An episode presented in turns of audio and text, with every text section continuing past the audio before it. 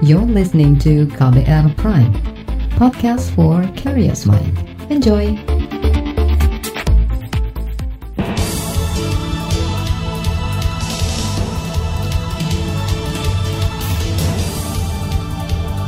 Halo saudara, selamat pagi. Senang sekali kami bisa menyapa Anda kembali melalui program Buletin Pagi edisi Jumat 17 Juli 2020 bersama saya Agus Lukman. Kami telah menyiapkan sejumlah informasi terkini di antaranya Presiden menginstruksikan agar pemerintah daerah mempercepat belanja untuk memulihkan ekonomi. DPR mencoret rancangan undang-undang penghapusan kekerasan seksual dari program legislasi nasional prioritas tahun ini. Gunung Raung di Jawa Timur mengalami erupsi. Inilah buletin pagi selengkapnya. Terbaru di buletin pagi. Saudara Presiden Joko Widodo meminta agar para kepala daerah mempercepat belanja pemerintah untuk memulihkan perekonomian Indonesia. Menurut Presiden Jokowi, yang bisa memulihkan perekonomian negara saat ini di tengah pandemi COVID-19 hanyalah belanja pemerintah dan bukan investasi kita tidak bisa mengharapkan lagi yang namanya investasi. Itu pasti minus pertumbuhannya. Yang bisa diharapkan sekarang ini semua negara hanya satu yang diharapkan, yaitu belanja pemerintah, spending kita, belanja pemerintah. Oleh sebab itu jangan sampai ada yang ngerem. Kalau ekonomi di provinsi, Bapak Ibu semuanya ingin cepat pulih, belanjanya semuanya harus dipercepat. Kuncinya hanya di situ. Nggak bisa lagi kita mengharapkan sekali investasi swasta. Presiden Joko Widodo menambahkan agar perekonomian tidak anjlok lebih dalam, maka pemerintah daerah harus bisa memaksimalkan belanja anggaran di bulan Juli, Agustus hingga September tahun ini. Saudara hingga Juli ini dana pemerintah daerah yang masih berada di bank mencapai 170 triliun rupiah karena penyerapan anggaran yang masih relatif sangat kecil. Serapan anggaran tertinggi ada di DKI Jakarta dan terendah di Sulawesi Tenggara dan Sumatera Selatan. Minimnya penyerapan anggaran juga dikeluhkan Kementerian Keuangan. Staf khusus Kementerian Menteri Keuangan Justinus Prastowo mengakui pemerintah pusat dan daerah mengalami kendala dalam menyerap anggaran belanja. Hal ini disebabkan karena sistem belanja yang biasa digunakan selama ini harus melalui fisik dan bukan secara online. Kenapa kok ini uh, sulit ya sebenarnya kan karena hampir aktivitas fisik tidak ada. Lalu kita lihat uh, tipikal belanja pemerintah daerah dan pusat kan sama. Pendekatannya kan belanja yang basisnya fisik kan ya. Hmm. termasuk belanja modal belanja barang gitu kan pendekatannya fisik. Nah itu yang harus dialihkan dalam waktu cepat direalokasi sementara mengalihkan atau merealokasi sendiri butuh waktu dan tidak mudah karena itu tadi karena tidak bisa mengandalkan kegiatan yang Staf khusus Menteri Keuangan Justinus Prastowo menambahkan dalam masa pandemi COVID-19 ini, pengadaan barang dan jasa terhambat karena sistem administrasi juga berjalan lambat. Ditambah lagi harga barang yang berubah-ubah. Sementara jika pemerintah daerah harus mengalihkan anggaran belanja mereka untuk kegiatan lain, maka proses pengalihan juga membutuhkan waktu yang lama. Justinus menyebut belanja pemerintah menjadi satu-satunya cara memulihkan ekonomi saat ini. Menanggapi permintaan dari Presiden Joko Widodo, pemerintah Provinsi Jawa Tengah akan membelanjakan anggaran daerah dengan produk-produk dalam negeri sesuai dengan arahan Presiden Joko Widodo. Gubernur Jawa Tengah Ganjar Pranowo ketika dihubungi KBR mengakui ada penurunan pendapatan asli daerah sebesar 12,5 persen.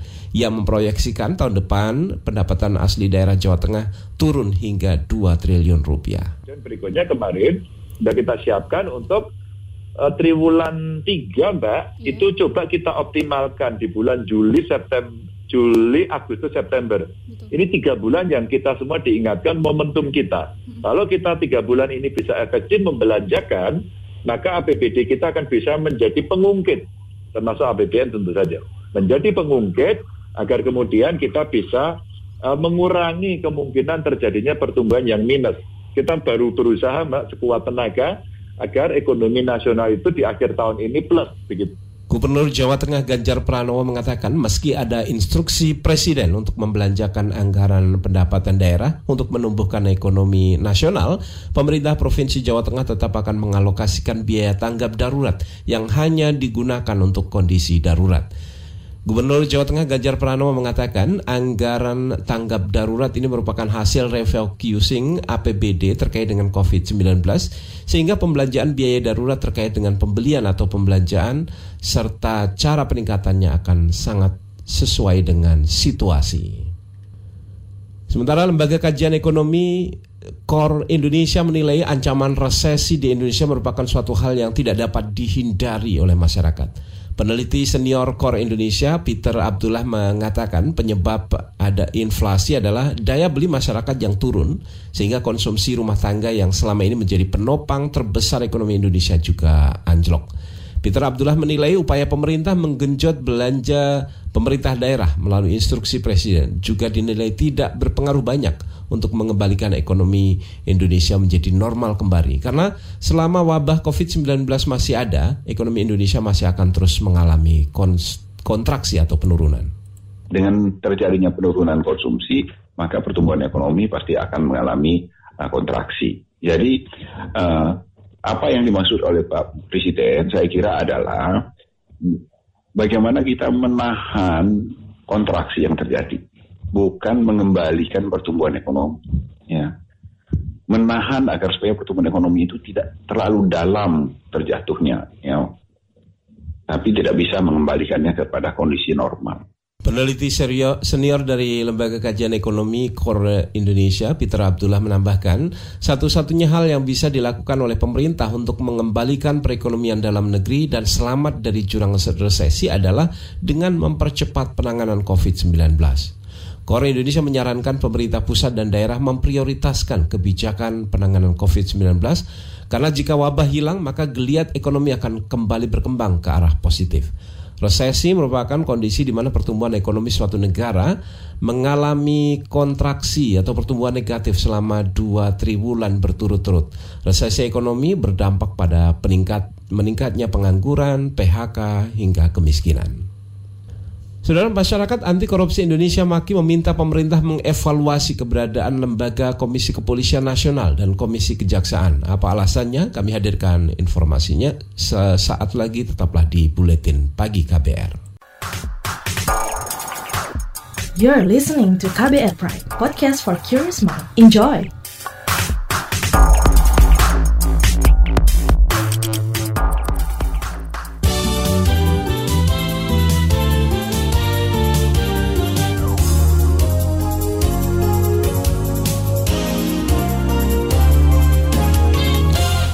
Terima kasih saudara Anda masih bersama kami di Buletin Pagi KBR. Kita menuju ke informasi terkini COVID-19. Pemerintah mengingatkan masyarakat untuk mewaspadai kasus konfirmasi positif COVID-19 tanpa gejala. Juru bicara pemerintah untuk penanganan COVID-19 Ahmad Yuryanto mengatakan, akhir-akhir ini banyak ditemukan kelompok terkonfirmasi positif COVID-19 tanpa gejala atau asimptomatis. Yurianto menambahkan hingga kemarin pasien COVID-19 bertambah 1.570-an orang. Kita hari ini telah melakukan pemeriksaan spesimen sebanyak 23.947 spesimen. Sehingga total spesimen yang kita periksa sampai dengan hari ini menjadi 1.146.794 spesimen. Dari pemeriksaan ini kita dapatkan kasus baru sebanyak 1.574 orang. Sehingga total kasus sekarang menjadi 81.668. Juru bicara pemerintah untuk penanganan COVID-19 Ahmad Yuryanto menambahkan, untuk pasien sembuh saat ini bertambah hampir 1.300-an orang, sehingga total sembuh menjadi 40.300-an orang. Sementara jumlah pasien yang meninggal sebanyak 3.800-an orang. Kita menuju ke parlemen. Saudara DPR memutuskan untuk menarik rancangan undang-undang penghapusan kekerasan seksual atau RUU PKS dari pembahasan program legislasi nasional prioritas 2020. Dalam rapat paripurna DPR kemarin, Wakil Ketua DPR Sufmi Dasko Ahmad mengatakan RUU PKS akan dimasukkan dalam program legislasi nasional prioritas tahun depan. Jadi sebagai informasi hasil rapat konsultasi balik dan pimpinan serta rapat konsultasi pengganti BAMUS, kita akan masukkan undang-undang tersebut di prioritas tahun 2021 dan sudah diputuskan kemarin. Itu tadi Wakil Ketua DPR RI Sufmi Dasko Ahmad. DPR menggelar rapat evaluasi program legislasi nasional prioritas pada tahun 2020 bersama Menteri Hukum dan HAM dan DPD.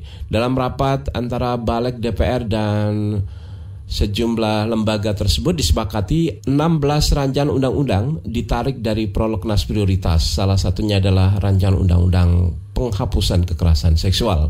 Saat ini total RUU prioritas berkurang menjadi 37 rancangan undang-undang. Kita ke informasi lain, masyarakat anti korupsi Indonesia maki meminta pemerintah mengevaluasi kinerja lembaga Komisi Kepolisian Nasional atau Kompolnas dan Komisi Pengawas Kejaksaan atau Komjak.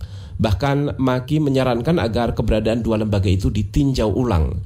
Koordinator Masyarakat Anti Korupsi Indonesia Bonyamin Saiman mengatakan desakan itu merujuk pada terungkapnya kasus buron Joko Chandra yang berhasil masuk Indonesia kepolisian komisi kepolisian nasional ini kan nampak tidak berperan di sini. Uh, apakah kemudian ini cukup pengawasannya ini kemudian diberikan propam secara internal luar dari DPR kan, kan itu. Ini yang perlu misalnya. Kejaksaan juga begitu. Komisi kejaksaan ini nggak pernah ada suaranya sehingga malah mestinya mereka ini mampu memberikan treatment untuk pemberantasan mafia hukum mulai dari awal dari penyidik dan penuntut nampaknya mereka tidak berperanan. Itu tadi Koordinator Masyarakat Anti Korupsi Indonesia Maki Boyamin Saiman. Ia menambahkan Komisi Kepolisian Nasional saat ini kurang berperan dalam tugas pengawasan terhadap Polri. Komisi Kejaksaan juga kurang mampu menunjukkan kinerja terhadap pemberantasan mafia hukum peradilan. Ini terlihat dari lolosnya atau bebasnya Joko Chandra buronan korupsi dalam kasus sesi Bank Bali yang bisa bebas berkeliaran di Indonesia. Sebelumnya buronan Joko Chandra bebas masuk ke Indonesia ini membuat kinerja sejumlah lembaga atau institusi mendapat sorotan, salah satunya kepolisian dan kejaksaan. Kita ke informasi ekonomi, saudara Bank Indonesia mengumumkan suku bunga acuan atau BI 7 days repo rate menjadi 4 persen, turun 25 basis poin. Gubernur Bank Indonesia Peri Warjio mengatakan keputusan itu diambil berdasarkan hasil rapat Dewan Gubernur Bank Indonesia selama dua hari berturut-turut pada 15 dan 16 Juli lalu. Memutuskan untuk menurunkan BI 7 day reverse repo rate sebesar 25 basis point menjadi 4 persen. Suku bunga deposit facility juga turun sebesar 25 basis point menjadi 3,25 persen. Dan suku bunga lending facility turun sebesar 25 basis point menjadi 4,75 persen. Gubernur Bank Indonesia Peri Warjio mengatakan kebijakan itu telah dikalkulasi secara cermat dengan melihat kondisi ekonomi global dan domestik. Bank Indonesia akan terus menjaga stabilitas nilai tukar rupiah di tengah ketidakpastian ekonomi global. Kita ke informasi mancanegara, saudara. Mulai kemarin, pemerintah Filipina kembali memperlakukan penguncian wilayah atau lockdown selama dua pekan hingga akhir Juli mendatang. Mengutip The Straits Times, penguncian wilayah dilakukan untuk menekan penyebaran virus corona di Filipina. Meski lockdown diberlakukan, pemerintah Filipina menyebut ada sejumlah sektor bisnis yang tetap diperbolehkan beroperasi. Kasus virus corona COVID-19 di Filipina meningkat lebih dari tiga kali lipat menjadi 58 ribu dan ada 1.600-an kematian sejak pemerintah mencabut lockdown dan membuka kembali sebagian sektor bisnis pada awal Juni lalu. Filipina menjadi negara dengan jumlah infeksi tertinggi kedua di Asia Tenggara setelah Indonesia. Beralih ke informasi olahraga, saudara klub sepak bola Real Madrid akhirnya berhasil merebut trofi juara La Liga musim ini. Pesta kemenangan kemenangan digelar setelah pada pertandingan pekan ke-37 Real Madrid menang 2-1 melawan Villarreal dan pada saat yang sama klub pesaingnya Barcelona kalah 1-2 atas klub Osasuna. Dengan hasil ini Real Madrid mengumpulkan 86 poin atau tidak mungkin terkejar oleh Barcelona di satu laga tersisa dan ini membuat Real Madrid mengunci gelar juara La Liga yang merupakan juara ke-34 bagi Real Madrid. Dari Liga Serie A Italia, saudara Inter Milan mengamuk dengan mencetak 4 gol tanpa balas di kandang tuan rumah klub SPAL. Kemenangan ini membuat Inter Milan kini menempati posisi dua klasmen sementara Liga Serie A dan hanya berjarak 6 poin dari Juventus yang ada di puncak klasmen. Sementara di Liga Inggris, Manchester United menjaga harapan lolos ke Liga Champions setelah, setelah menang 2-0 melawan Crystal Palace. Hasil ini menempatkan MU berada di posisi 5 di belakang Liverpool, Manchester City, Chelsea, dan Leicester City. Saudara, laporan khas KBR mengenai menagih janji perbaikan layanan BPJS Kesehatan akan kami hadirkan usai jeda berikut tetaplah di Buletin Pagi KBR. You're listening to KBR Pride, podcast for curious mind. Enjoy!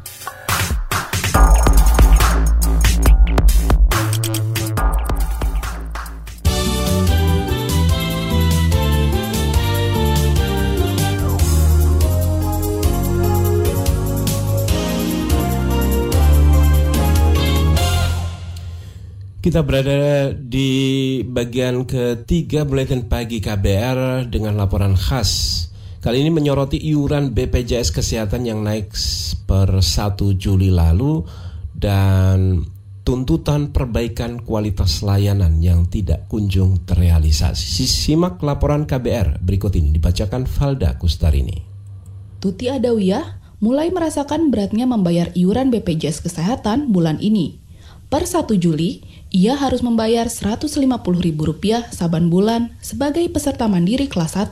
Jumlah ini naik hampir 100% dari tarif sebelumnya sebesar Rp80.000. Beban itu semakin berat karena harus menanggung iuran suami dan anaknya yang juga peserta kelas 1 ya tentunya keberatan apalagi bagi keluarga yang orang tuanya udah pensiun gitu zaman pandemi kayak gini udah berobat kita juga kan takut tapi kita tetap bayar Tuti juga mengeluh tak bisa merasakan manfaat kenaikan iuran itu karena terkungkung masa pandemi. Sebelumnya, pensiunan pegawai swasta ini rutin ke rumah sakit untuk menjalani fisioterapi. Namun sejak wabah melanda, ia menghentikan terapi karena khawatir tertular COVID-19 di rumah sakit. Terbersit di benak Tuti untuk turun ke kelas 2 saja karena sudah merasa payah jika harus mengeluarkan Rp450.000 tiap bulan. Ia melihat manfaat kelas 2 tak jauh beda dengan kelas 1. Ya mau kelas 2, kelas 3 kan sebenarnya kan mm, yang bedanya kan cuma nanti pas perawatannya aja kan. Uh, mendingan kita yang kelas rendah aja ya minimal kan katanya kalau misalnya kelas dari kelas 3 ke kelas 1 nggak mungkin. Jadi kita mainin ke kelas 2 lah walaupun kelas 2 juga sebenarnya kan udah mahal juga. Apalagi Tuti juga mendapati belum ada tanda-tanda perbaikan layanan BPJS meski iuran sudah naik. Misalnya soal layanan obat. Menurutnya, setelah iuran naik, justru ada obat-obatan yang tak lagi ditanggung asuransi. Pelayanan obat banyak yang tadinya di cover eh, tiba-tiba nggak di cover gitu dan pelayanannya juga misalnya perawatannya gitu banyak yang dibatasin gitu, nggak di cover gitu. Merespon hal ini, juru bicara BPJS Kesehatan Iqbal Anas Ma'ruf mengklaim perbaikan layanan sudah dilakukan. Ia mencontohkan pasien cuci darah kini tak perlu datang ke dokter atau puskesmas untuk melakukan cuci darah. Mereka tinggal datang ke rumah sakit rujukan dan langsung direkam datanya. Ade itu ditangani di rumah sakit, dia nggak perlu balik lagi karena rekodnya udah rekam oleh sistem kan seperti itu. Cek misalkan di aplikasi mobile JKN di rumah sakit, dia kelihatan tuh ICU-nya sisa berapa, kelas 1 sisa berapa, kelas 2, sehingga memudahkan nanti rawat inap di rumah sakit. BPJS Kesehatan juga memfasilitasi kemudahan peserta untuk turun kelas. Peserta bisa langsung turun kelas setelah satu bulan mendaftar. Aturan sebelumnya mensyaratkan kepesertaan minimal satu tahun baru boleh turun kelas. Iqbal mengklaim hingga kini jumlah peserta yang turun kelas hanya sekitar 7,5 persen. Ia juga memastikan denda karena terlambat bayar hanya dibebankan jika peserta melakukan rawat inap. Dia mengaktifkan kartunya karena dalam kondisi sakit ketika sudah sehat tidak bayar. Makanya diatur dalam perpres ada konsekuensi khusus untuk yang memang dirawat inap. Kalau dia rawat jalan, artinya tidak ada kena denda layanan. Iqbal memaklumi keberatan warga karena iuran naik saat pandemi. Namun menurutnya, Langkah ini harus ditempuh agar defisit tak terus melebar hingga keberlanjutan BPJS bisa terjamin. Selain itu, ia mengklaim pemerintah sudah mengakomodasi masyarakat miskin dengan menambah alokasi untuk jumlah penerima bantuan iuran atau PBI ditetapkan ya di Oktober 2019 kan ada itu Perpres 75 2019. Kan yang sudah dirubah tidak hanya segmen mandiri, penerima bantuan iuran yang jumlahnya 132 juta itu sudah diperubah sejak 1 Agustus 2019. Sementara itu, Koordinator Advokasi BPJS Watch Timbul Siregar menyebut kenaikan iuran BPJS Kesehatan memang suatu keniscayaan. Namun, pemerintah dinilai tidak sensitif karena menempuh kebijakan itu di tengah situasi pandemi. Timbul berpandangan subsidi iuran BPJS terutama untuk kelas 3 tak menyasar rakyat miskin. Pasalnya, subsidi hanya diberikan pada peserta yang aktif membayar. Peserta kelas 3 untuk tahun ini hanya membayar dengan tarif lama, yakni Rp25.500. Ini lantaran selisih kenaikan Rp16.500 ditanggung pemerintah. Orang miskin tidak termasuk tidak dimasukkan cleansing datanya masuk ke PBI. Ada orang miskin yang akhirnya dia tetap berada di kelas 3 walaupun disubsidi tapi dia nggak mampu bayar. Timbul mendesak dibuatnya aturan mitigatif untuk mengantisipasi lonjakan peserta yang menunggak, misalnya dengan menerapkan skema cicilan. Hal ini akan meringankan peserta seperti Tuti yang harus menanggung iuran beberapa anggota keluarganya. Dia bayar dulu, tanggal 1 eh saya bayar untuk anak saya. Boleh harusnya, jangan dipaksa lima-limanya. Tanggal 3 atau tanggal 5 dapat uang lagi, istrinya dibayarin. Tanggal 10 baru suaminya dibayarin. Ini untuk apa? Untuk menurunkan tingkat non-aktif. Demikian laporan tim KBR, saya Valda Kustarini. Dan informasi dari daerah akan kami hadirkan usai jeda berikut tetaplah di Buletin Pagi KBR. You're listening to KBR Pride, podcast for curious mind. Enjoy!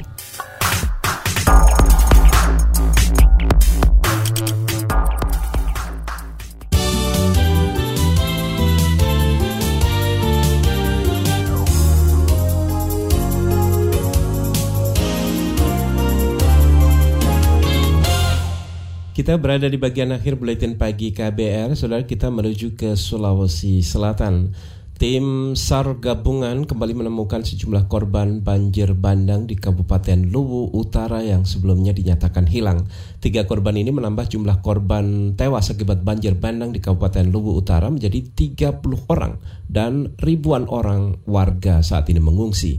Bupati Luwu Utara Indah Putri Indrayani mengatakan tim SAR gabungan masih fokus melakukan pencarian korban hilang yang tertimbun akibat banjir bandang. Kalau terkait dengan korban, Uh, kondisi hari ini masih kita terus lakukan pencarian hmm. karena masih ada uh, laporan warga tentang hmm. keluarga yang masih hilang yaitu sekitar 66 orang. Iya, jadi memang ada beberapa lokasi hmm. itu yang masih uh, tertumpuk material. Hmm. Ya, karena uh, memang kita fokus Uh, untuk uh, pertama itu kan pencarian orang hilang ya. Hmm. Kita fokus untuk mencari orang hilang ya, hmm. kemudian evakuasi warga yang masih bertahan. Yep. Itu kita edukasi untuk Itu tadi Bupati Luwu Utara Sulawesi Selatan Indra Putri Indriani yang dihubungi KBR. Sementara Gubernur Sulawesi Selatan Nurdin Abdullah mengatakan akan memastikan logistik bagi pengungsi dan perbaikan jaringan listrik berjalan. Saudara, Banjir bandang di Luwu Utara, Sulawesi Selatan sudah berlangsung dalam dua hari. Kita menuju ke Jawa Timur, saudara Gunung Raung di perbatasan Kabupaten Banyuwangi, Bondowoso, dan Jember, Jawa Timur mengalami erupsi setinggi 100 meter pada hari kemarin. Kepala Pos Pengamatan Gunung Api Raung, Mukijo mengatakan hasil pengamatan dari kamera pengawas memperlihatkan adanya embusan asap berwarna coklat. Meski demikian, status Gunung Raung hingga Kamis sore kemarin masih dinyatakan normal. Dalam tiga hari terakhir memang ada terekam gempa-gempa hembusan, tapi jumlahnya sebenarnya juga intensitasnya tidak terlalu tinggi gitu. Cukup intens itu baru tadi sekitar Kepala Pos Pengamatan Gunung Api Raung Mokijo mengatakan erupsi ini berpotensi mempengaruhi aktivitas penerbangan. Pos Pengamatan Gunung Raung juga mengirimkan pemberitahuan kepada otoritas penerbangan di Bandar Udara Banyuwangi dan Bandar Udara Jember agar mewaspadai kemungkinan terjadinya penyebaran abu vulkanik dari erupsi Gunung Raung. Saudara, informasi tadi mengakhiri jumpa kita di buletin pagi KBR hari ini pantau terus informasi terkini melalui kabar baru, melalui situs kbr.id, melalui Twitter at berita KBR, serta podcast di kbrprime.id. Akhirnya saya Agus Lukman, kami undur diri. Salam.